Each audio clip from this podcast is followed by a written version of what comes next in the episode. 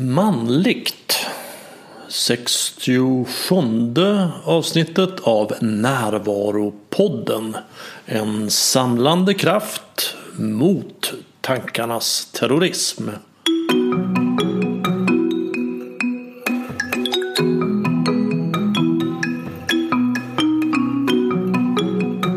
Det här är Bengt Renander och idag ska jag prata med Mårten Granlund om manlighet.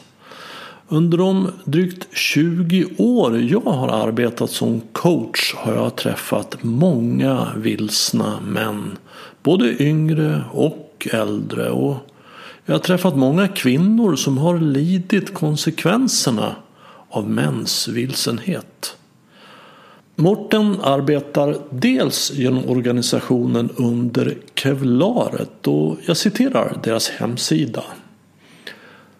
Under Kevlarets fokus ligger framför allt på den delen av machokulturen som handlar om att killar inte ska visa sig svaga, prata om sina känslor eller söka hjälp.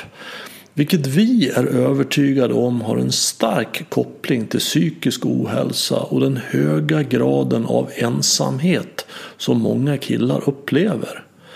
Vi arbetar förebyggande genom att på olika sätt visa att det är okej okay att ställa sig utanför de skadliga mallarna för vad en kille ska måste vara.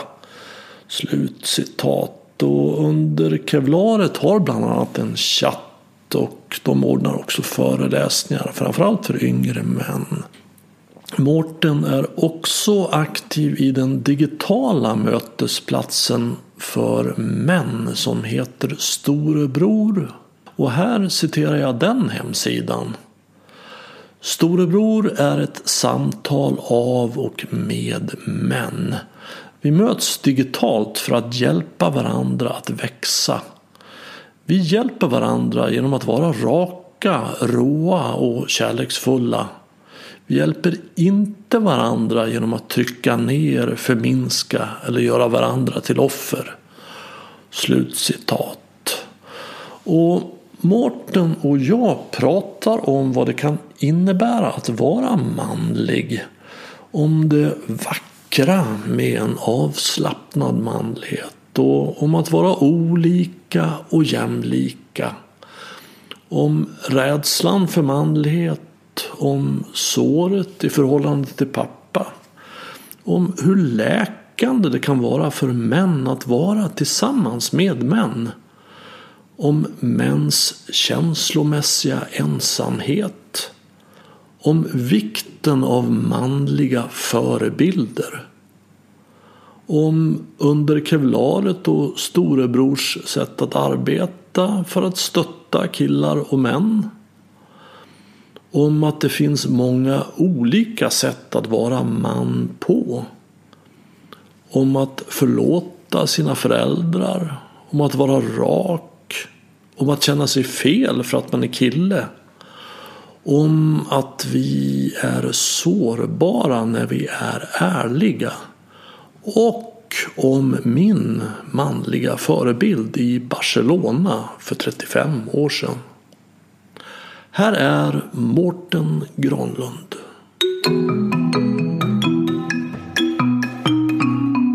Sen fem år tillbaka snart Eh, kallar folk mig för social entreprenör Jag startat en organisation som heter Under Kevlaret. Mm. Och vi jobbar med att stötta unga killar att komma i kontakt med sin manlighet.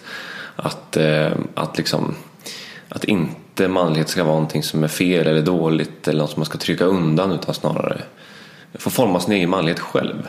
Mm. Lite att jag kan vara både manlig och, och det vill säga ja, tuff. Jag kan vara självsäker. Jag kan vara framgångsrik, jag kan vara välklädd, jag kan vara vältränad men jag kan också vara sårbar. Jag kan också säga att jag älskar min pappa. Jag kan också säga till polarna nu är livet tufft, jag behöver hjälp.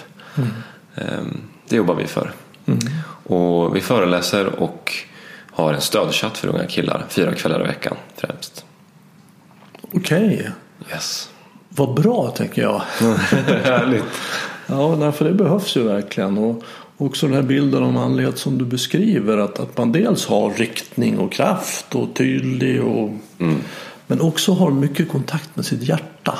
Mm. Det, det är också för mig en väldigt viktig del av manlighet. Att bara vara uppe i huvudet och göra och tänka och prestera. Det blir en... Ja, antingen så, så blir man då fast i huvudet, hjärnan och blir en sorts nördtyp. Eller också hamnar man i, i göra blir en sorts macho-galning. Men vi behöver verkligen också ha kontakt med vårt hjärta. Och vad känner jag? Vad känner du? Hur är det här för dig? Vara i kontakt. Det är en väldigt viktig del av manlighet. Verkligen, fint sammanfattat. Jag är 24 år gammal och, och så har man jobbat med det här i fem år snart och så har man själv en väldigt splittrad bild eller känsla av vad manligt ska vara för en. Liksom. Eh, Och jag har bara senaste året skulle jag säga fått en tydligare bild för mig själv vad manlighet är. Liksom. Och det är en process såklart. Att också någonstans här nu börja bli en man. liksom. Eh, Bara det låter lite svajigt för mig själv. Liksom. Shit, jag ska vara en man här nu. Vad är det ens? Men eh, som jag sa, att jag, vad skönt att få um, alltså umgås med äldre män för att få en, en tydligare bild av vad det är för någonting. Eh, och sen finns det såklart massa eh, pojkar som springer runt i stora mäns kroppar. Liksom. För man själv aldrig haft kanske sunda manliga förebilder eller haft kontakt med vad det är för någonting. Liksom. Så det är superspännande och process att få vara i på något sätt. Mm, verkligen. Ja, Jag är också en del i den processen. Både för mig som individ men också hur jag arbetar med mina klienter. Och, och, och jag brukar... Alltså det finns ju någonting som är manligt och kvinnligt. Alltså manlighet och kvinnlighet. Och sen finns det någonting som är, är feminint och maskulint. Och jag brukar göra ganska stor åtskillnad på det. Jag brukar säga att det, det maskulina är, om man ska sammanfatta det i två ord, det är att tänka och göra. Det är yang-kraften, det är yin-yang. Och, och yin-kraften är ju då att känna och vara det feminina.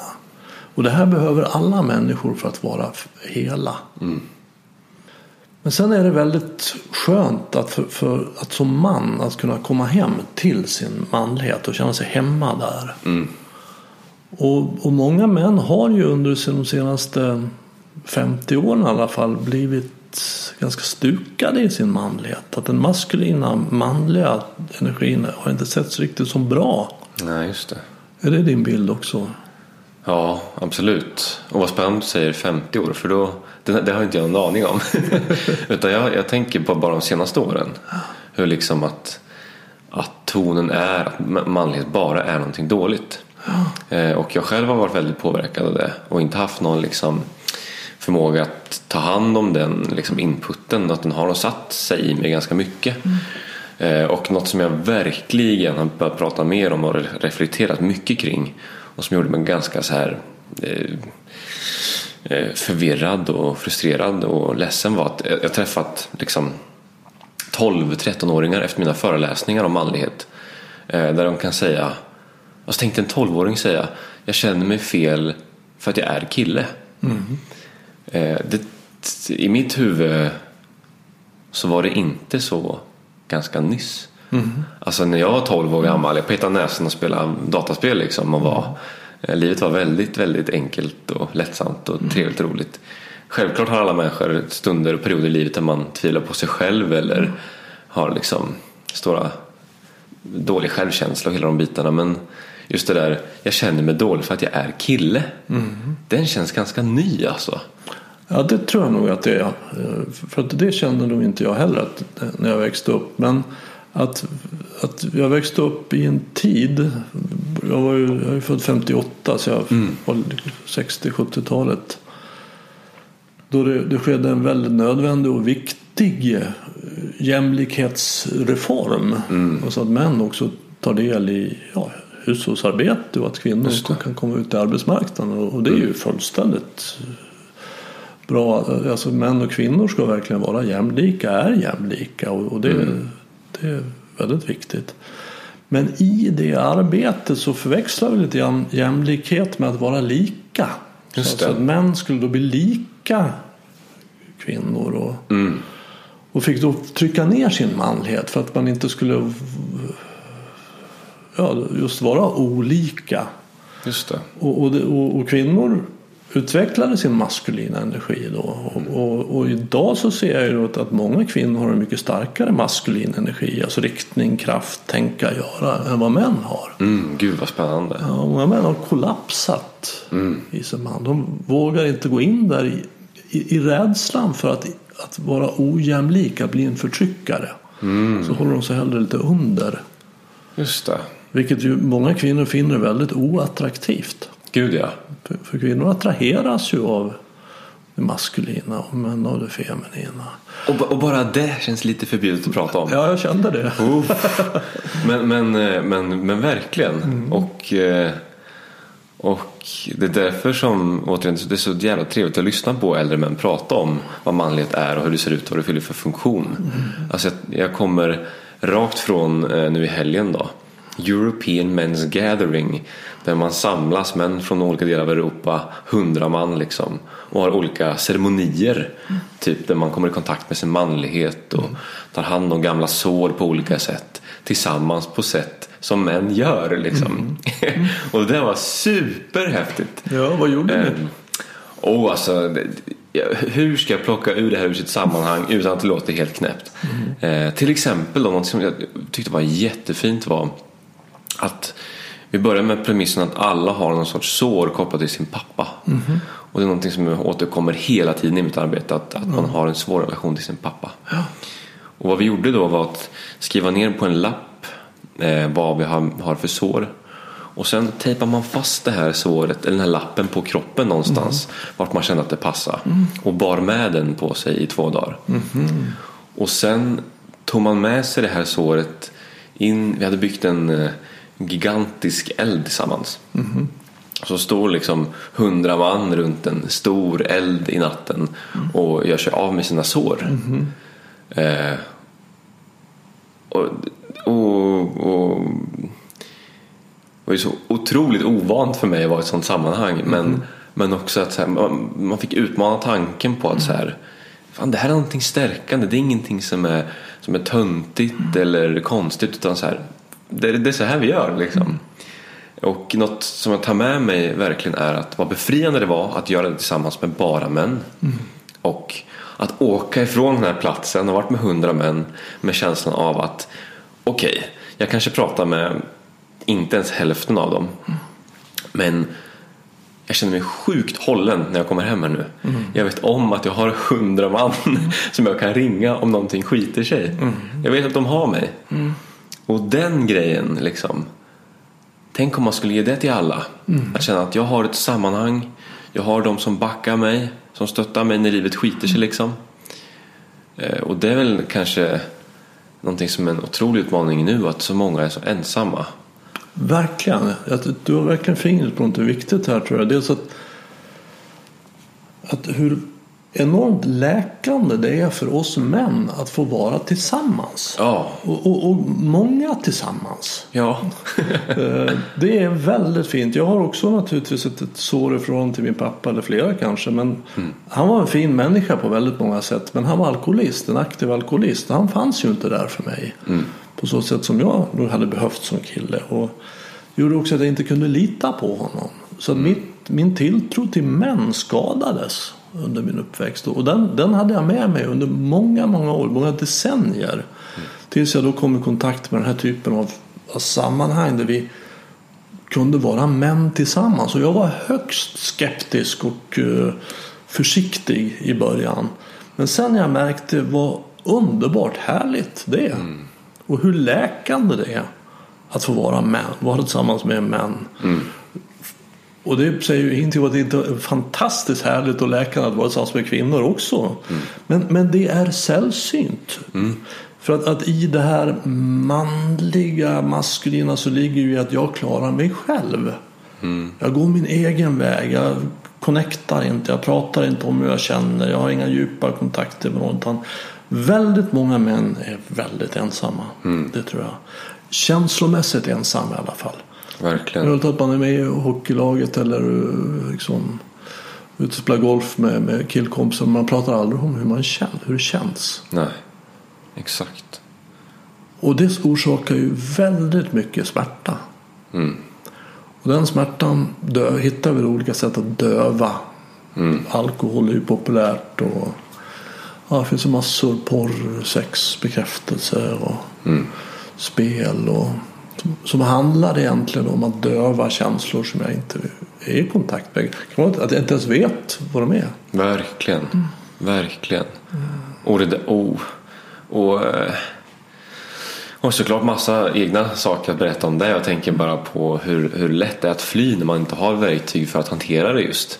Att liksom Tänk bara på gymnasiet för mig till exempel. Att jag hade svinmycket ångest från ingenstans. Och så vart det liksom Gud, var kommer det här ifrån? Varför har jag ångest? Jag som har det så himla bra. Jag är liksom en lycklig skitunge. Inte ska jag ha ångest. Eh, jag gick till vårdcentralen och bara eh, så här. Vad ska jag göra med det här liksom? Eller vad, vad är det för någonting? Det började med att jag gick dit och hade svårt att andas och frågade Har jag astma eller någonting? Och svaret blev bara Nej, nej, du har ångest. Eh, så gick jag därifrån och bara Ja men nu då? Liksom. Jag måste vara konstig. Folk kommer att tänka att det är fel på mig. Så då blev jag expert på att hålla käften. Så där som vi gör. Men att då bara att någon ger en ett verktyg liksom att så här, få fram det lite grann. Istället för att fly in i, som det var för mig då, dataspel. Mycket fly in i dataspel. För att det är då kan man vara någon annan liksom. Och det gör många unga killar idag. Ja, absolut. Och jag, jag tror det var en, nu, eller jag ska inte nämna en undersökning om jag inte minns vad det står i den. Men väldigt många unga killar ident- identifierar sig som gamers. Och gamingkulturen växer något otroligt. Och det är helt fantastiskt. Det, är sånt, det, kan, det kan vara ett så himla fint sammanhang alltså. Eh, men, jag, men jag kan tänka mig också att, att många spelar inte bara för att det är kul. Utan många spelar för, just, just för att fly istället. Eh, var det ju fint att kunna liksom ge varandra att, att sluta fly så man kan spela för, bara för att det är kul. Liksom. Ja, det är också tycker jag, en viktig aspekt att lägga in att det är, jag har tre söner och eh, de spelar mycket dataspel alla tre så som killar gör. Men en av mina söner han visade mig, för jag frågade vad, vad är det ni gör då? Han sa att det här är bra, sa han. det här är väldigt värdefullt.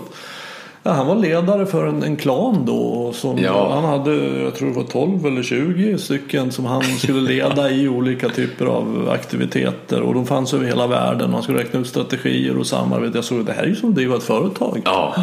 Och idag driver han ett företag. ja, mäktigt alltså. Och jag, jag är övertygad om att han skulle hålla med om att han har lär, lärde sig mycket. Ja, Där. gud ja. Men det är Och- som du säger, det är viktigt att är det en flykt det här eller Alltså att jag inte vågar gå ut och träffa människor, jag har inte kontakt med några känslor. Jag kan inte relatera. För det är ju en, en, en konst som män kan vara väldigt dåliga på. Ja. Ja. Så, så här känner jag, hur känner du, hur har du det, så här har jag det. ja vi, det, alltså, generellt liksom, om, om jag tar mitt liv. Att det, är ju inte, har ju inte hänt Alltså det, hur vi umgås menar jag. Att det har inte hänt att någon Okej, kanske någon gång på 24 år att en polare ringer och säger Hej, jag tänker på dig. Ska vi, fan vore det fint att bara umgås lite. Ska vi, ska vi ses och hitta på något så? Eh, Eller ska, finns det någonting vi behöver prata om? Eller hur mår du? Jag mår så här. Det händer inte ofta. Eh, Och, och, och så kan det ju vara att vi inte är vana vid det. Men det vore fint att få träna på att så här, kan vi inte, att det inte bara är dricka bärs och kolla fotboll. Och jag älskar det också. Får- Alltså det får jag säga, det är fantastiskt. Har jag fått liksom kommit tillbaka till. Eh, Att jag tycker att det är fantastiskt. Det är bara att jag saknar det där liksom spontana hjärtliga att man kan säga Hej, du, jag längtar efter det. Liksom. Ehm, att det finns något där i att, att vara nära. Eh, vara nära med, ja, men som du pratade om i början, att ha hjärtat tillgängligt. Som vi kanske är ganska rädda för, eller fr- främst kanske ovana just. Absolut. Alltså, hur och det vi? ovana är vi ju rätt rädda för. Ja, För vi vet inte hur det går till. så det är inte konstigt. Så, men så hur trä, börjar vi träna då? Utan att man ser på det något sånt så här kladdigt eller stort eller fånigt att vara Ja, men det är väl att vara sårbar. Absolut. Och jag tänker också eh, att det är viktigt att understryka att, Vad vi är ute efter är att hitta en balanspunkt. Att inte vara i- antingen i bara tänka, göra, prestera, hård. Eller vara en mjuk, eh, inkännande, eh, relaterande. Utan Ja. att hitta balanspunkten. Verkligen. Man hade två begrepp som fanns på 70-talet. Det var det ena var den munliga mansgrisen. och det var ju då ena ytterpunkten som bara liksom var uppe i huvudet och egoistisk och Ja. inte gjorde någonting hemma eller relaterade. Och sen fanns det andra även mjukismannen som hade en sorts velour-overall på sig och som aldrig var i kontakt med, med sin dådkraft. Och det är ju två mardrömstillstånd egentligen. Utan vi är ute efter både och, inte antingen eller. Oh, älskar det här, verkligen. Och har, det pendlat någonstans där mycket för dig? Med de här olika... Ja, jag, jag tror att om vi ser över tiden så var nog den mulliga mansgrisen var nog en, en, en, någonting som vi har haft väldigt långt bakåt. Vi har behandlat kvinnor väldigt illa. Väldigt illa. Så att, att jag är otroligt glad över den jämlikhetsreform som har växt fram under 1900-talet och kanske i synnerhet under andra halvan av 1900-talet. Men där var det nog många som hamnade i, i mjukismannen. Att man liksom vågar inte stiga fram och vara man. Vågar förneka sin riktning och kraft. Och, och till och med inte ens är i kontakt med den. Just det. Och då är man ute i andra ytteranden. Ja, Så att det är balanspunkterna vi ute efter. verkligen. Oh, älskar det där. Alltså, för mig de senaste åren har varit i, hade pendlat rejält. Alltså. Och det började med att just jag varit nyfiken på, på mansarbete för att stötta unga killar. Och så kom man in i den här världen av men vad, vad är manlighet? Vad, vilken är riktningen? Och, och mycket var ju att liksom killar ska bli mjukare. Och jag själv då gick in i någon tanke om att ju mer mjuk jag är, ju mer liksom eh, är ordet free spirit, jag vet inte. Eh, hur mycket, ju mer jag utmanar normen kanske, ju bättre. Kanske var min tanke. Så då gick det från att vara liksom jag som jag trivs i att vara till att eh, eh, på med mer blommiga skjortor, hängselbyxor och kanske någon fjäder i örat liksom. Eh, och sen kom jag på bara sen att, nej men jävlar! Här har liksom småstadspöjken flyttat till Stockholm en sväng Eh, och hittat sig själv tänkte jag liksom. Men nej, det var inte alls det. var liksom bara få utforska det en sväng kanske för att fatta att det här inte är jag. Och sen nu senaste tiden har det varit så här. Ju mer och mer jag får manliga mentorer och liksom mentorer eh, och förebilder ju mer blir jag nyfiken på åh vad gött det är att få känna sig manlig. Och liksom mer tillbaka till det här att pendeln svingar tillbaka till ja, men i balans mellan båda. Att kunna vara rak och ärlig och tydlig och stå upp för gränser och vara en doer men också det där omsorgsfulla, inlyssnande, eh, lämna plats, liksom, eh, ödmjukhet och kärleksfull. Jag älskar att få hoppa däremellan och ha tillgång till båda. Inte bara ena eller andra. Det är verkligen det hela mitt arbete också. Vårt arbete i Underkevlaret handlar om. Fan, få plocka lite av allt det här goa. Så man kan få vara man på olika sätt. Ja, I den bästa av världar så är ju då en, en ung kille omgiven av sådana vuxna män. Som tar ansvar och ser och har riktning och kraft. Och... Så att han under, i den naturliga frågan hur går det till att vara man? Så har man, och där har jag en förebild. Där finns en annan, där finns en annan. Någon som har gått före. Som kan vara en bild för mig. Tyvärr så är det ju inte allt för gott om de männen. Nej, det är dåligt alltså. Det är väldigt knappt med tydliga, bra manliga förebilder. Faktiskt. Du, för, mig, för mig har mina manliga förebilder blivit de jag jobbar tillsammans med eller kommit i kontakt med på senare tider. Liksom. Ja, Och jag kanske själv har förstått att jag behöver de här äldre männen. Det kanske finns en... Shit vad mycket... Alltså jag tänker bara när, när man var 18-20. Inte inte fan tänker man att man behöver de äldre då kanske. Eller bara, vad har de äldre att berätta för mig? Något sånt där rebelliskt kanske. Men nu när jag har slått över till 24, snart 25 är det mer såhär, åh jag är så nyfiken på vad alla äldre har att lära mig liksom. Och den kraften tror jag är superviktig. Både, för att, både för att jag själv ska eh, inte bli någon arrogant skit som tror att jag kan allting och liksom tappa all den här kunskapen som äldre generationen sitter på. Men också vad, vad mycket liksom, vad meningsfulla möten det finns i det. Och också kanske bara hos de det är så många äldre män som också är ensamma och känner sig otillräckliga och saknar mening. Verkligen. Vad fint då att det kliver in yngre män i deras liv och säger Hej, jag är nyfiken på vad du kan lära mig liksom, om, att, om livet och att vara man. Jag tror det finns massor att hämta där alltså. Verkligen. Och, och, och sådana forum är du, håller du nu på att försöka skapa? Förstår jag rätt då? Ja, vi, är, vi är ett gäng Ja. av, av män. Så det är absolut inte bara jag ska jag säga. Nej, det är viktigt. Men ni Men, försöker skapa det. alltså, dels är det ju, dels är det ju, det är så mycket, många saker som puttrar samtidigt nu känns det som. Mm. Så det är superhärligt. Men dels då under kevlaret för yngre killar och män. Eh, Och sen har vi storebror då. Mm. Digitala manscirklar bland annat. eh, På, på, genom Zoom liksom som vi kör har kört hela våren och in in på sommaren. Så det var jag och Navid Modiri som drog igång i våras. Och sen, Storebror. Storebror ja. Och sen har det bara hakat på en massa män som vill bidra på olika sätt. Så nu är vi typ 6-7 pers i teamet liksom. Eh, och Vad gör ni där då, storebror? Ja, men det, vi, bjuder, alltså, vi bjuder in på olika sätt till att så här, ja, men bara stötta. Alltså, det blir som en plattform där män stöttar varandra. Att vi har de här, de här samtalen som manscirklar digitala. Eh, och de som har varit med på samtalen får tillgång till att vara med på en, i en Facebookgrupp.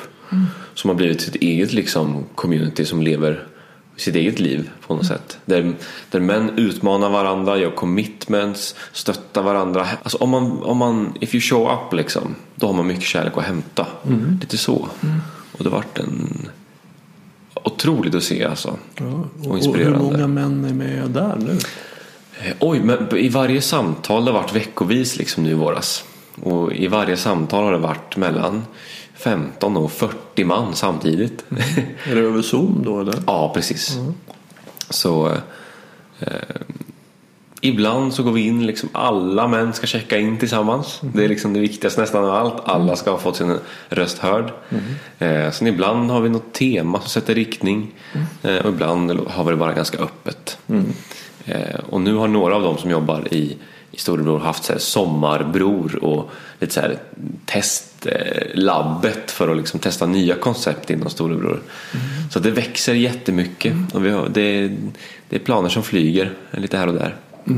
Så det är superhäftigt. Så, så det är ett forum för män att få möta andra män? Ja. Ja. En trygg plats att dela på? ja, men det är det. Det är det. Att det som sägs stannar där. Och, Ja, så om man vill öppna sig så kan man göra det? Ja, ja men det är, det är en bra, bra hållpunkt. Att så här, det är en väldigt trygg plats att få vara precis som man är. Att vi är otroligt olika, alla dessa män. Och det, är- det är någonting fantastiskt med det. Att så här, komma in i ett sammanhang som inte är vi är liksom inte fyrkantiga, PK och dömande. Att det finns ett rätt, ett fel. Liksom. Eller ett rätt, flera fel snarare. Utan att men kom som du är så tar vi hand om det som på bästa sätt. Liksom. Ja. Och och det är väl viktigt att understryka det att det finns väldigt många olika sätt att vara man på och vara Ja. manlig. Så att vi inte har en role model så ska man bli sån. Annars är man Exakt. fel. Utan det finns väldigt många olika sätt. Exakt. Lika många olika sätt som, som det finns män. Men, men det handlar väl om att, att man som man ska kunna känna det att, att jag gör som jag själv vill. Alltså Ja. Jag är förankrad i mitt djup, i, mitt, i den jag sant är. Och agerar därifrån. Istället för att rädslan är den bestämmande faktorn. Ja, Så jag är rädd att- för att vara för mycket. till exempel. Eller för lite. Att inte duga till. Och... ja, just det. Men den där kärnan är att jag ska, jag ska kunna få välja själv. Det är liksom kärnan av allt tycker jag också. Att så här, jag brukar prata på mina föreläsningar om att så här, jämför Dwayne, eh, Dwayne Johnson, The Rock liksom. Supermanligt uttryck liksom. Eh, och att Jag älskar det här, absolut. Jag tycker det är superhäftigt. Men det är ingenting jag strävar efter. Men jag är så glad att han är så och jag trivs med det. Men på samma sätt har jag upp en bild på Thomas Sekelius som är en youtuber, ung, väldigt ung kille som är youtuber. Som var typ först på youtube med att sminka sig och ha sminktutorials. Och det är så här. Om han vill, vill liksom få välja att vara man på det viset då måste han också få välja det. Då behöver inte vi komma in och peta på att han ska vara annorlunda. Vill att, att de ytterligheterna måste få finnas också. Så det är fint att du blockar tillbaka oss till den kärnan. Ja, att det finns så många olika sätt att vara man på. Och att det kan ta sig uttryck på så väldigt många olika sätt. Och det går också att ta tillbaka till bara, men jag vill ju få välja själv. Då måste ju andra få välja själv. Absolut. Så där, där finns det mycket att hämta. Men, men vad vi kan se då är att, att för, för många utav oss män så har vi haft ja, inte så många förebilder om ens någon. Nej. Det är ett problem och sen har vi vuxit upp i ett samhällsklimat där det som är i alla fall traditionellt manligt har varit sett ner på. Så att vi har fått trycka ner det. Så, och, och då får vi liksom söka utanför oss. Hur ska man vara man? Och kan då hamna väldigt snett och bli vilsen.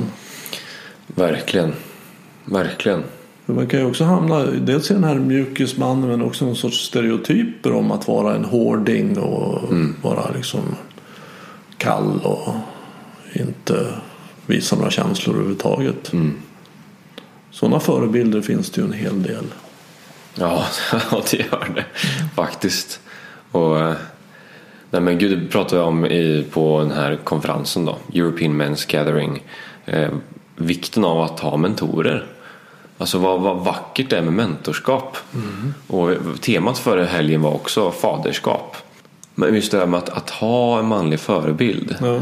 Eh, att, att ens pappa är ju för de absolut flesta någon sorts förebild någonstans i livet. Sen kanske de slutar vara en förebild kanske. Men att, att ta tillbaka liksom att det fanns något väldigt, väldigt viktigt med att komma ihåg, att inte glömma bort att man har sin farsa. Hur jävla skitigt det än har varit typ. För att det är så viktigt att, att ha den kontakten. Eh, sen är det ju otroligt svårt från person till person liksom. Ibland lätt men att inte ge upp på sin farsa kanske handlar om främst. Ja.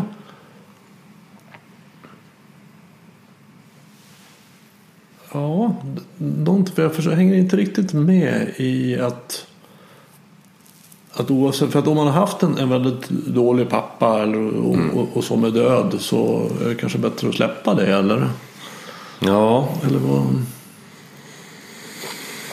Ja, vad, vad, var det som, som eh, klingade i mig då när han sa det här? Jag tror, jag tror kanske av att jag hört så mycket av att mm, att om farsan inte är eh, perfekt eller någon superfarsa utan han kanske haft eh, några brister liksom. Att man, man väldigt lätt som ung kille ger upp på sin farsa. Ja. Eh, att, att det blir lätt att bara släppa taget lite för snabbt kanske. Eh, och att nu vart det lite fluffigt här kanske. Ja, är Men, fara. men att, Ja, att, att, att kanske utmana sin farsa lite. Kanske att så här, vad, vad, vad, ta sig tillbaka till det här raka, ärliga, tydliga. Att så här, Fan pappa, du har behandlat mig som skit många år. Och det, det vill jag att du tar ansvar för. Eller jag vill kunna mötas i det. Jag vill ju att du ska ha en relation till mina barn. Eller jag vill ju att, alltså, en del av mig älskar dig och, och jag vill att du ska veta det. Men de, de här sakerna som du gjort i mitt liv, fan vad det var jag har gjort mig illa. Och så på något sätt kanske jobba för att läka sin relation till sin pappa. Ja. Just för att den också, man speglar sig mycket ofta i sin pappa på något sätt. Absolut. Och att, kanske där det handlar om. Eller som berörde mig att säga, just det fan. Att jag, som, att jag som son är också ansvarig på något sätt om jag vill att det ska vara en god relation. It takes two liksom. Ja, och, och det är ju en viktig del av en människas mognad att, att förlåta sina föräldrar Ja, för de brister och, och fel. Jag säger inte att man måste göra det. Men, men så länge man inte har gjort det så ligger ju de här ogärningarna i en och verkar. Mm, just Har betydelse för en. Och då är man i reaktion mot eller för sina föräldrar. Så då har de ett väldigt starkt inflytande på mitt liv. Just det. Om jag kan förlåta mina föräld- föräldrars ogärningar och, och så, så har jag också en frihet i det. Mm. Och Det finns ett fint uttryck som säger att, att, att förlåta är att släppa någon ur fängelse. Mm. Och när man har gjort det så upptäcker man att det var mig jag släppte ut. Ja, det, det, den, eh, ja den, den låter väldigt tydlig. För det är ju hos en själv som all frustration och ja, ilska och sorg uppstår i. Ja, det finns ett annat uttryck som säger att, att, att, att leva i det oförlåtna det är som att, att dricka gift. Mm. Och hoppas att någon annan ska dö. Och nu sitter det folk och lyssnar och tänker Men hur fan ska jag förlåta då? Ja, Är du bra på det? jag har skrivit mycket om det och pratat mycket om att förlåta eftersom det är en så viktig kvalitet. Och också gjort podd, pratat om det i podden. Mm. Men för mig så, så innebär ju förlåtelse att, att eh, det innebär inte att man säger att, att det där var bra det som hände eller att det var okej eller, eller någonting sånt. Utan det, det innebär att jag ger upp min rätt att hämnas. Mm. Att de, om någon har gjort mig något illa så har jag ju rätt att hämnas. Så om du ger mig en örfil så ja, då har jag ju rätt att ge dig en örfil. I alla fall moralisk rätt. Alltså om du är dum mot mig så får jag vara dum mot dig. Och att förlåta innebär att jag släpper den rätten. Mm. Så att det, för att vad vi gör när vi om du är ja, otrogen i en, en relation då, den andra, ja den kan också vara det. Mm. Och du har egentligen inte rätt att säga någonting. Men då måste jag då, om har den andra relationen, hålla på och planlägga det här och tänka på det här. Ägna väldigt mycket tankeenergi. När jag gör upp min rätt att hämna så kan jag släppa det. Jag släpper dig fri, jag släpper mig fri. Så jag kommer att fortsätta att agera mot dig som om det inte har hänt. Så jag gör upp min rätt att hämnas. Gud vad intressant. Och det är inte lätt, det ska man nog sannerligen understryka. Och, Ja. och ett försteg till att förlåta är ju att förstå. Mm. Just det. Att förstå vad var det som hände här? Hur var det för dig? För att om vi tittar på, på våra pappor här så och hur de har betett sig så för att förstå det så behöver vi titta på deras pappor. Just det. Hur var det för dem när de växte upp? Vad hade de för förebilder? Mm. Hur blev de behandlade? Och kan ju då hitta både det ena och det andra. Och för att förstå dem så behöver vi titta på deras pappor. Mm. Alltså det här går generationer bakåt. Just det. Ja. Men, men när man får den här insikten så har man ju faktiskt en möjlighet att bryta en familjeförbannelse som går många, många generationer bakåt. Verkligen. Och, och kunna visa sina söner, sina barn någonting annat. Mm. Men det kräver ju då att man är medveten och att man kan släppa det förflutna. Mm.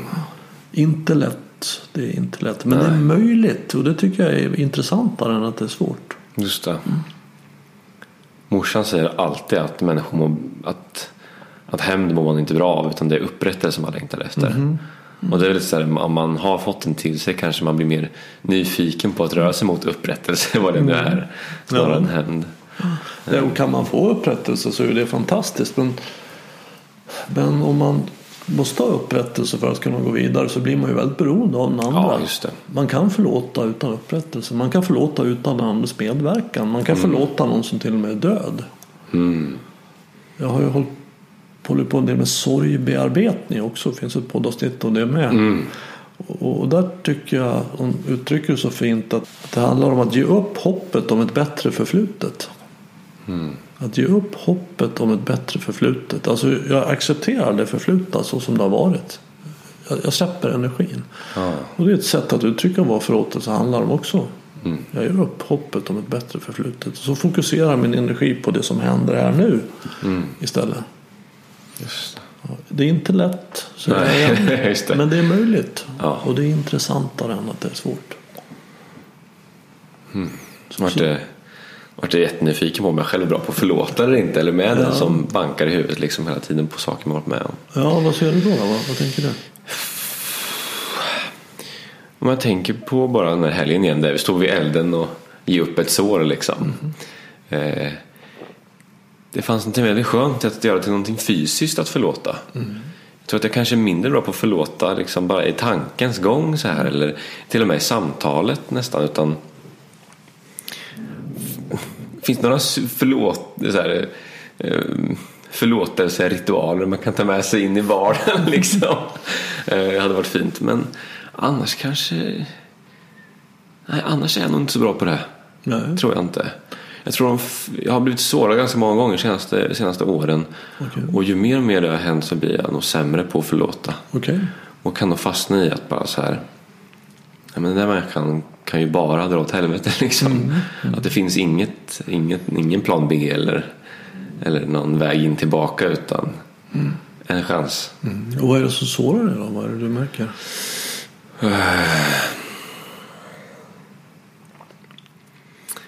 Nej men när människor nära en och som man har stark tilltro till sviker en eller utnyttjar en eller eh, kör över en på olika sätt för att bara synas eller ta vinning på olika sätt som i min värld känns helt meningslösa.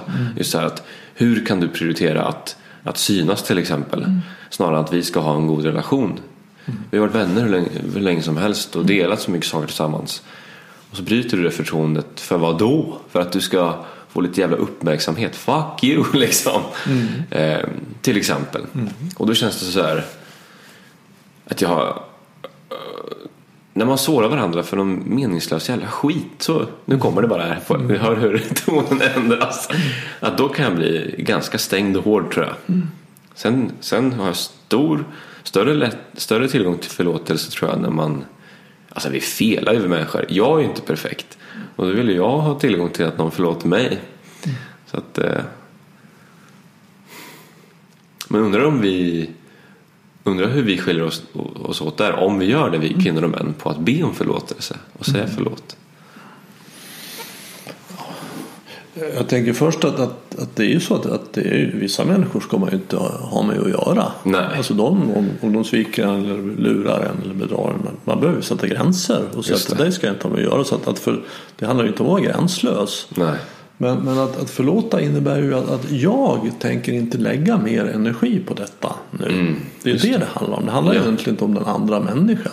Just det. Utan även om en person som då har betett sig illa och tagit den uppmärksamheten och gjort det här så, så kan man ju se att den här människan kunde inte bättre. Mm. Det var fel det den gjorde men den kunde inte bättre. Och jag kan förlåta det och jag ska inte ge mig in i några projekt med honom igen. Den saken är fullt klar. Just det. Så Just det. det, det är ju inte att bli gränslös utan gränser är ju väldigt vik- viktiga att sätta. Mm. Men sen kan det ju vara så här att, att en människa inte har levt upp till ens förväntningar. Mm. Alltså att man har ska- skaffat sig förväntningar och sen lever den här människan inte upp till det. Och där är det ju ett lite annat landskap tycker jag. För det, det kan ju vara så att man inte ens har berättat om de här förväntningarna. Mm. Mm. Så att eh,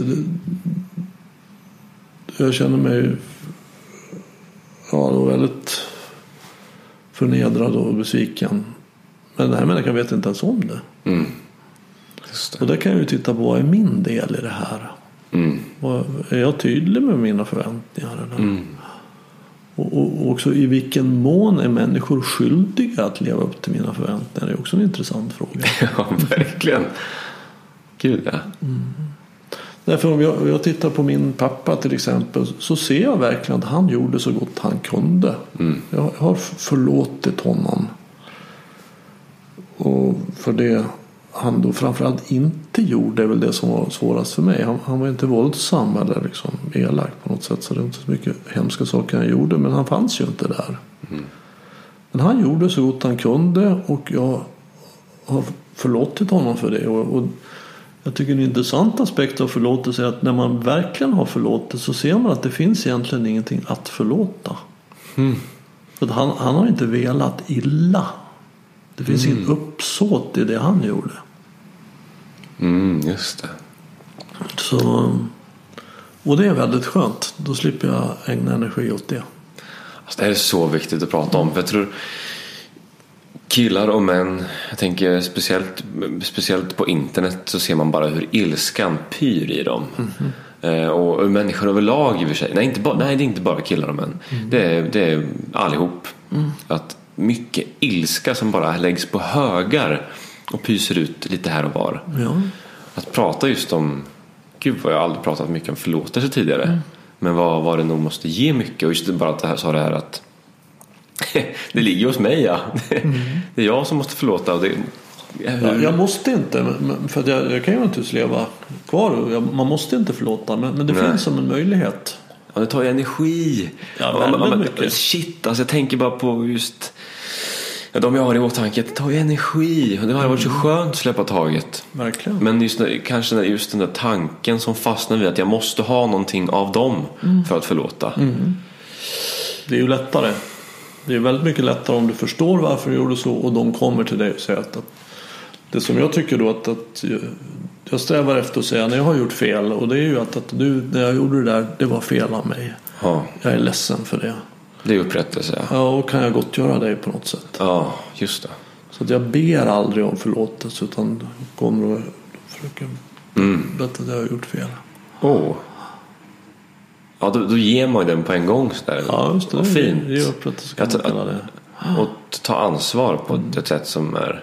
Det som är lite att lägga sig platt. Det är inte att, att börja argumentera eller liksom dra i massa trådar utan här kommer det, jag har gjort fel, punkt. Just det. Den är härlig att få till sig. Det Alltså. var fel av mig. Ja. Den, då, då, då kan man bara säga tack. Liksom. Gud vad, vad fint. Men det är ju inte säkert att man får det. För, för de flesta människor tycker inte att de gör fel. Utan Nej. de tycker att det är den andra som gör fel. Ja, Och då, då är det ju lättare att se det om jag ser att, att, att och det är min grundinställning att alla människor gör så gott de kan. Sen är ju förmågan ytterst begränsad i, i oss emellanåt. Så att det, det bästa är verkligen inte någonting som blir så funktionellt alls. Men det finns, det är väldigt sällan, det finns absolut, men det är sällan som en människa säger så att nu ska jag verkligen vara ond. Jag tror att de här som har, du, de har, de har inte, de har tänkt sig att åh, här har jag möjlighet att få synas, det har jag längtat så mycket efter, nu gör jag det. De har inte ens tänkt på dig. nej. Du, det finns inte någon avsikt att göra det illa, men de har ju inte tänkt heller då att det här kan få effekten att det gör det illa. Just det.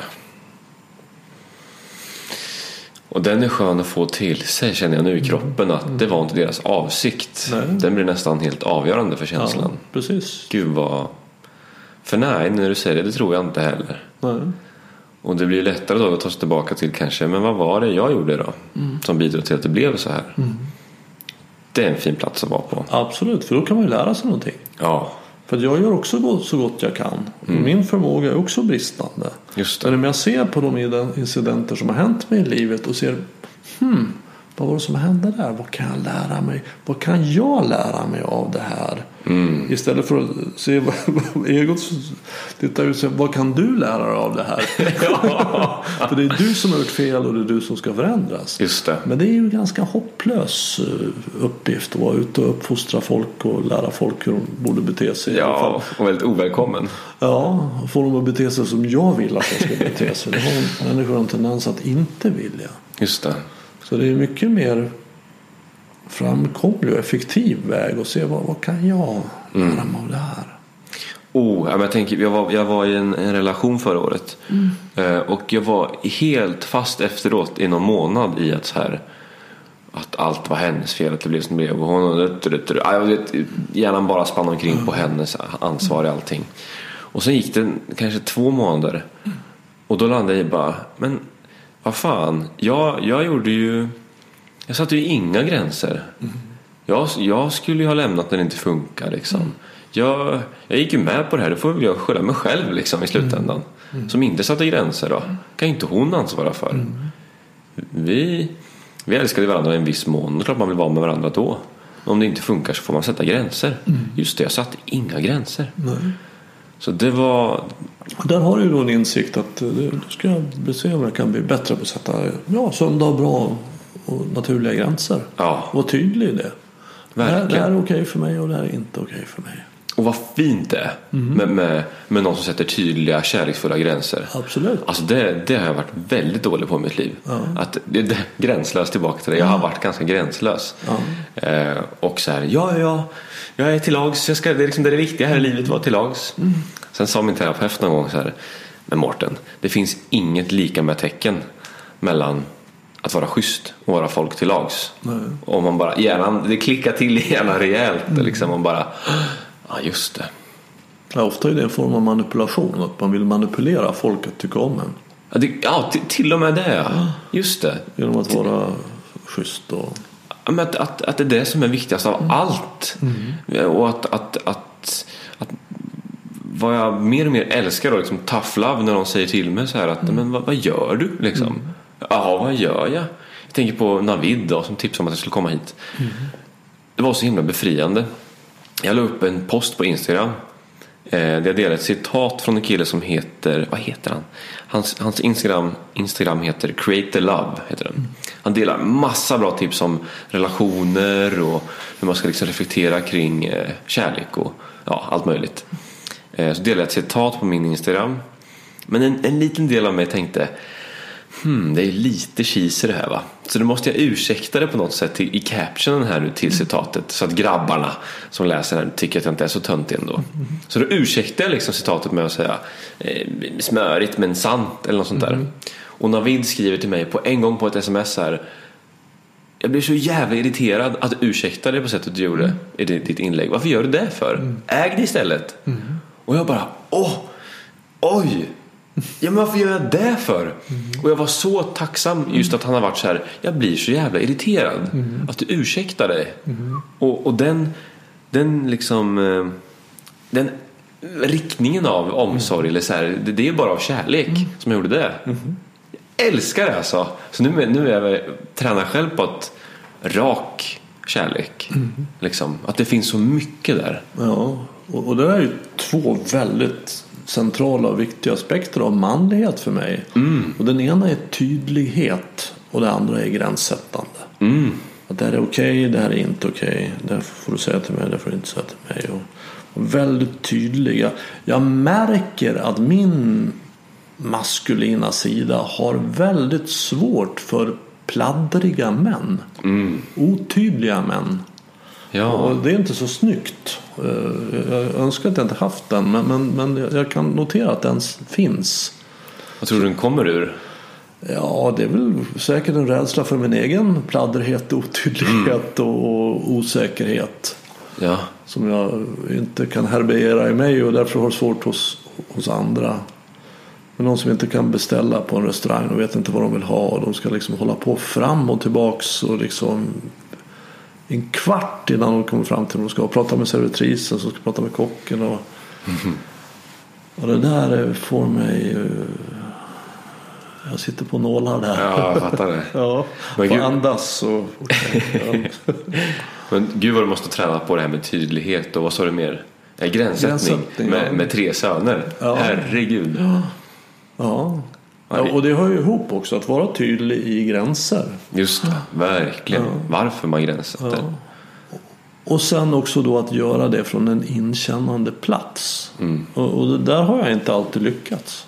Det, det får jag säga. Jag, jag har gjort så gott jag kan men jag har inte alltid lyckats. Utan jag har kanske gått till att vara mer att vara tydlig men, men kanske inte varit på den här inkännande platsen.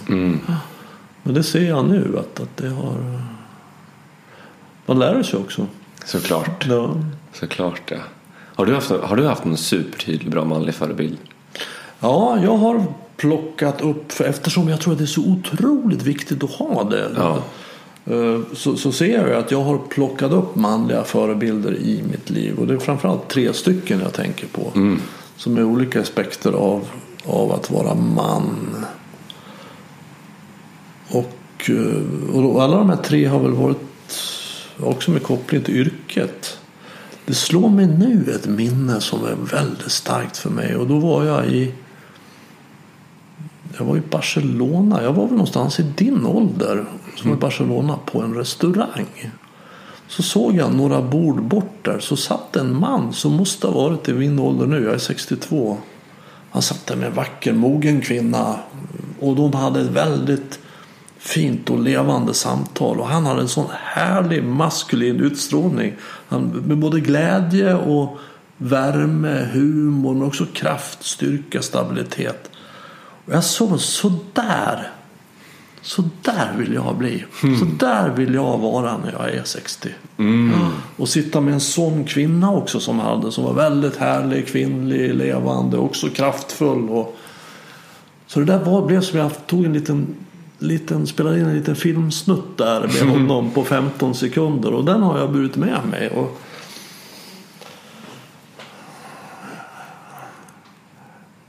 Jag skulle säga att det känns så idag. Så, som, som, jag känner mig så som jag, det, som jag tyckte att den där mannen var. Wow, vad vackert. Ja, och, jag tror att det har betydelse att jag, fick, att jag såg honom och hade den förebilden. Det var ju en bild bara, en liten filmsnutt på 15 sekunder. Ja. Så att jag tror det är oerhört viktigt. Att kunna, se- för då ser man att det är möjligt att vara en sån där man. Och, och de här andra tre förebilderna har också verkligen varit det för mig. De har varit ungefär lika gamla som min pappa. Kunnat vara förebilder inom områden där han inte kunde vara förebild. Just det. Han hade nog gärna varit det men han kunde inte. Just det. Hur Okej. gör du med förebilder? Nej, men, men för, först bara, och vad fint det sista du sa att, att pappa inte kunde vara. Kanske, kanske sluta förvänta sig att pappa ska kunna vara allt då. Just att börja leta lite efter andra mentorer som kan fylla ut lite. Men också vad jag tänker på när, när du beskriver den här bilden, vad härligt det låter. Och någonting som de sa i helgen jag var på nu då, att de sa att ju tryggare, ju tryggare jag kan vara i min manlighet, ju friare kan jag göra min partner i hennes kvinnlighet. Och det låter väldigt vackert. Att, liksom det, att en stark man och en stark kvinna, vilken jävla urkraft liksom. Verkligen. Vad häftigt. Absolut. Vad häftigt. Och det var, ja, nu pratar om det, jag läng- längtar väldigt mycket efter det också. Eh, och jag har blivit eh, störtkär sedan snart fyra veckor tillbaka. och något som jag verkligen dras till just är att jag känner mig tryggare i min manlighet och hon bekräftar mig för min manlighet. Och jag vice versa liksom. Och det, det blir något väldigt magnetiskt i det. Ja. Som jag aldrig riktigt upplevt förut. Attraktion. Ja, men, ja, men på, på en ny nivå. Jag har varit jättekär och attraherad till människor på, på väldigt många plan eh, tidigare i livet. Men det här var någonting alldeles eget alltså. Så himla häftigt. Och då blir jag ännu mer nyfiken på hur kan jag bli ännu mer i kontakt med manligheten. Liksom. Så det är häftigt alltså. Och det är verkligen en erfarenhet jag har gjort och gör också. Att ju mer min kvinna är i sin femininitet och sin kvinnlighet och på verkligt på ett kraftfullt sätt. Ju mer kan jag vara i min manlighet. Mm. Och då uppstår den här attraktionen. Ja, Och, och, och, och vice versa då. Att ju mer jag är i min manlighet, tar hand om de här maskulina energierna och är trygg i det. Ju mer tillåter, kan min kvinna tillåta sig att vara i sin femininitet och sin kvinnlighet. Och det är väldigt härligt att liksom få komma hem till det. ja vad gött. Och- För många kvinnor är, har ju krav på sig på så många sätt att behöva tänka, göra, prestera, vara duktiga. Och jobbet och liksom även hemmet, i städa och ta hand om allting. En projektledare som är bara i sin maskulina energi. Och det blir så otroligt eh, utarmande. Man blir så trött. Mm. Urlakande. Och det beror ju på att mannen inte kliver in och tar sitt ansvar, sin roll. Här är jag, jag tar hand om det. Jag brukar berätta om en kvinnlig klient som sa till mig så att du, du behöver inte veta vad det, vad det sexigaste en man kan säga. Han- de säger så, så jag blir alldeles så här. sa, nej, jag, vet inte. Och, och man säger så här. Jag fixar det. Då blir jag så här. Och, och jag, jag förstår vad hon menar med det. Ja, Att, att kliva fram och säga att jag, jag tar hand om det här. Jag fixar det här. Du, kan, du, kan få, du kan slappna av in i Du kan sluta tänka på det. ett varande. Ja, precis. Du kan sluta tänka på det. Det behöver du inte göra. Utan få kliva in i ditt varande här och slappna av in i det. Mm. Och det är för mig då det feminin. Och det är så skönt. Verkligen. Ja, få komma hem dit. Och tänk att, att det finns ändå en viss liten så här, att det här är också lite fult att prata om. Mm. Att det manliga och kvinnliga, att, att, dels att, att erkänna att vi är olika. Mm. Att det, det känns lite förbjudet också. Och det är synd för vad mycket fint det finns att hämta där. Och då måste jag passa på att nämna såklart. Det är både storebror då som är digitala manscirklar. Men vi har ett syskonprojekt som heter Stora syster. Så det är precis samma motsvarande för kvinnor. Vad bra. Och, och liksom att vad häftigt det är också att lyssna på kvinnor som jobbar med sig själva. Och, och så har vi män som jobbar med sig själva. Och så möts man lite däremellan liksom. Och bara vad, vad det händer grejer. Och vad, just vad attraktivt det är att se kvinnor som är liksom i kontakt med sin kvinnlighet. Supermäktigt. Så att, att, att vad fint att ta det tillbaka till något som är bara väldigt vackert. Och naturligt. Verkligen. Och jag föreställer mig att du måste ju bli en förebild när du föreläser för 15-åriga killar. Ja, Så blir du en förebild för dem. Ja, gud vad fint. Ja, men det blir jag ju på något sätt. Ja, vad är det du vill visa dem då? Vad är det du pratar om? Oh, men det är nog kärnan där att vara både och. Och just på den där killen som sa att han var det, det, det har fått mig att ta en liten ny riktning. De, alltså, dels han, första killen som sa att jag känner mig fel för att jag är kille. Men det sjuka också var att det var flera sådana. Det var flera sådana tillfällen på ett halvår. Så blev det så här, men vad i? Så att, att kunna prata mer om det här, att manlighet är ingenting dåligt. Att, att mycket bättre att liksom bara omfamna vad det är, vara nyfiken på och utforska tillsammans vad är att vara man då? Under kevlaret kallar han det. Jag, jag förknippar kevlar med det material man har i skottsäkra västar. Exakt. Ja. Är det det ni har tänkt på? Ja, det kommer liksom tanken på att vi bär med oss en rustning, ett skydd, ibland en mask. Eh, och under kevlaret står det för vad som finns ibland under den där hårda ytan. Då. Eh, och en, ett, ett perspektiv på det som varit jättefint tycker jag. Just, det har väl ihop med allting vi pratat om att någon sa så här Men fan det fyller inte en funktion det där kevlaret. Eller rustningen liksom. Och så blir det mer och mer med, med orden att, att ja, jo, det kanske handlar om att välja vad man vill ha kopplat till den här rustningen. Liksom. Och man kan väl haka på lite trygghet, lite, lite riktning, lite gränssättning, lite ansvar, respekt och allt möjligt. Så kan man plocka bort det här med att vad var det vi kallade det för? Den tjocka manskrisen. Mulliga mansgrisen. Mulliga manskrisen. Att vad, vad nu det innefattar, att vara arrogant och Ja, inte hjälpa till. Inte hjälpa ställa till. Upp Just det. och, utan bara vara egoistisk och sitta i soffan och äta chips och kolla på fotboll. Just det. Att de, de kan väl plocka bort då. Men vi kan väl vi kan fylla den där rustningen som man står stadigt i så fall då. Med någonting fint istället. Något som ger en någonting som man känner, och det här vill jag ha med. Och råkar det vara en, en jag vet inte, en, en rosa flagga som man vill ha med sig. Kan det vara det också? Liksom.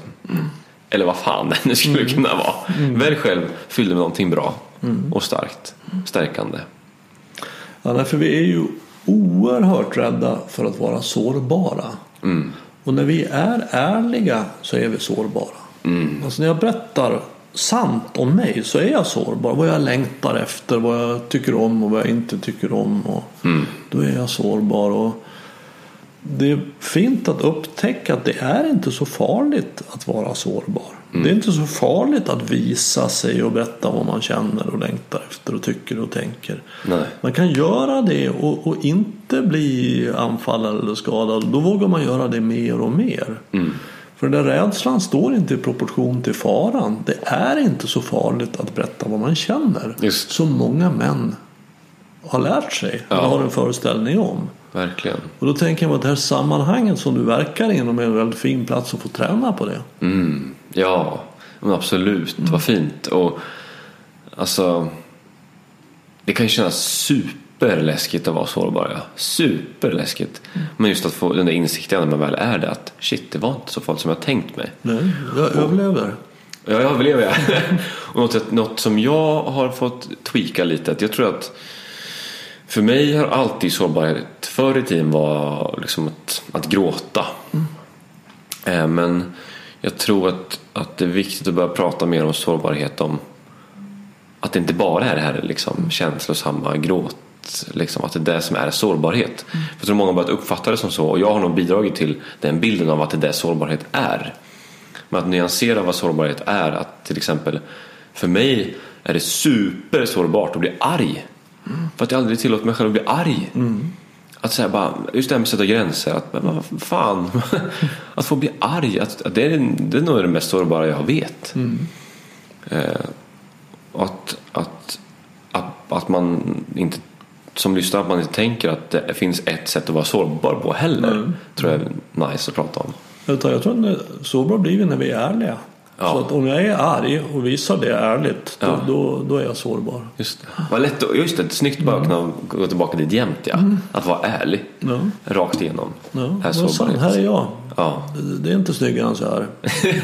men, men det är inte värre heller. Nej, just det. Utan så här är jag. Så här tänker jag, så här känner jag. Så. Ja. Det här är jag rädd för och det här längtar jag efter. Och, Mm. För då kan vi ju börja relatera. Mm. Och det är någonting som män traditionellt sett är väldigt dåliga på. Ja. Alltså att öppna sig och vara i kommunikation, kontakt Mm. kring hur man känner. Ja. Ja. Det ses ju närmast som suspekt. Men jag tycker nog ändå att det känns som att det går åt rätt håll. Det tror jag med. Alltså att, att ta hjälp beträffande i sin egen utveckling. I min pappas generation som föddes på 30-talet. Det, det var ju ett tecken på att man var psykiskt sjuk. Mm. Alltså att gå och prata med någon om någonting. Det gjorde bara psykiskt sjuka människor. Mm. Och att öppna sig och prata om vad man känner. Det, det, det fanns liksom inte på kartan. Nej. Det gjorde man inte. Och vad nyss det är egentligen. Det är väldigt nyss. Det är ju knäppt vad nyss det är egentligen. Så jag tänker att, att min generation då har, har tagit det ett steg framåt. Och, och, och- och din generation tar det förhoppningsvis ytterligare ett steg framåt. Just det.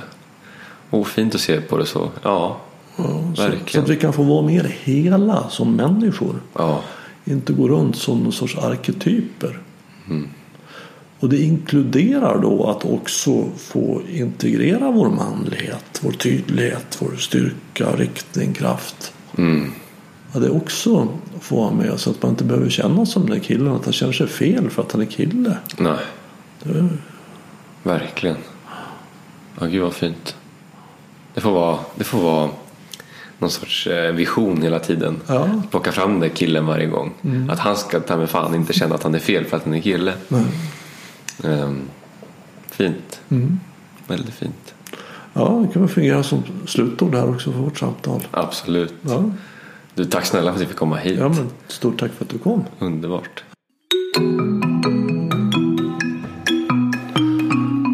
Om du vill veta mer om Storebror och Under Kevlaret så finns en länk till deras hemsidor i anslutning till det här avsnittet på min hemsida renander.nu.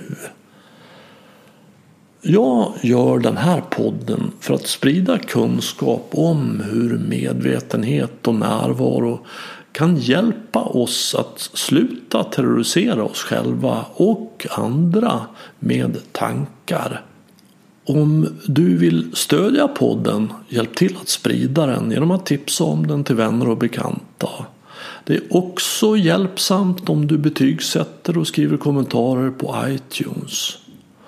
Och vill du veta mer om hur man går på den här smala vägen som heter medvetenhet och närvaro köp min senaste bok Stoppa tankarnas terrorism. Och boken har fått många positiva omdömen som tydlig, klar, enkel och väldigt användbar. Och att du dessutom stödjer mig i det här arbetet det är en positiv bieffekt. Enklast köper du boken via hemsidan renander.nu och jag signerar den gärna om du vill. Har du något ämne eller person som du tycker skulle passa här i Närvaropodden? Tveka inte att kontakta mig. Enklast gör du det via kontaktformuläret på hemsidan renander.nu desto fler vi är som är vakna i verkligheten, ju mer kan vi ju förändra den på riktigt. På återhörande och du var uppmärksam.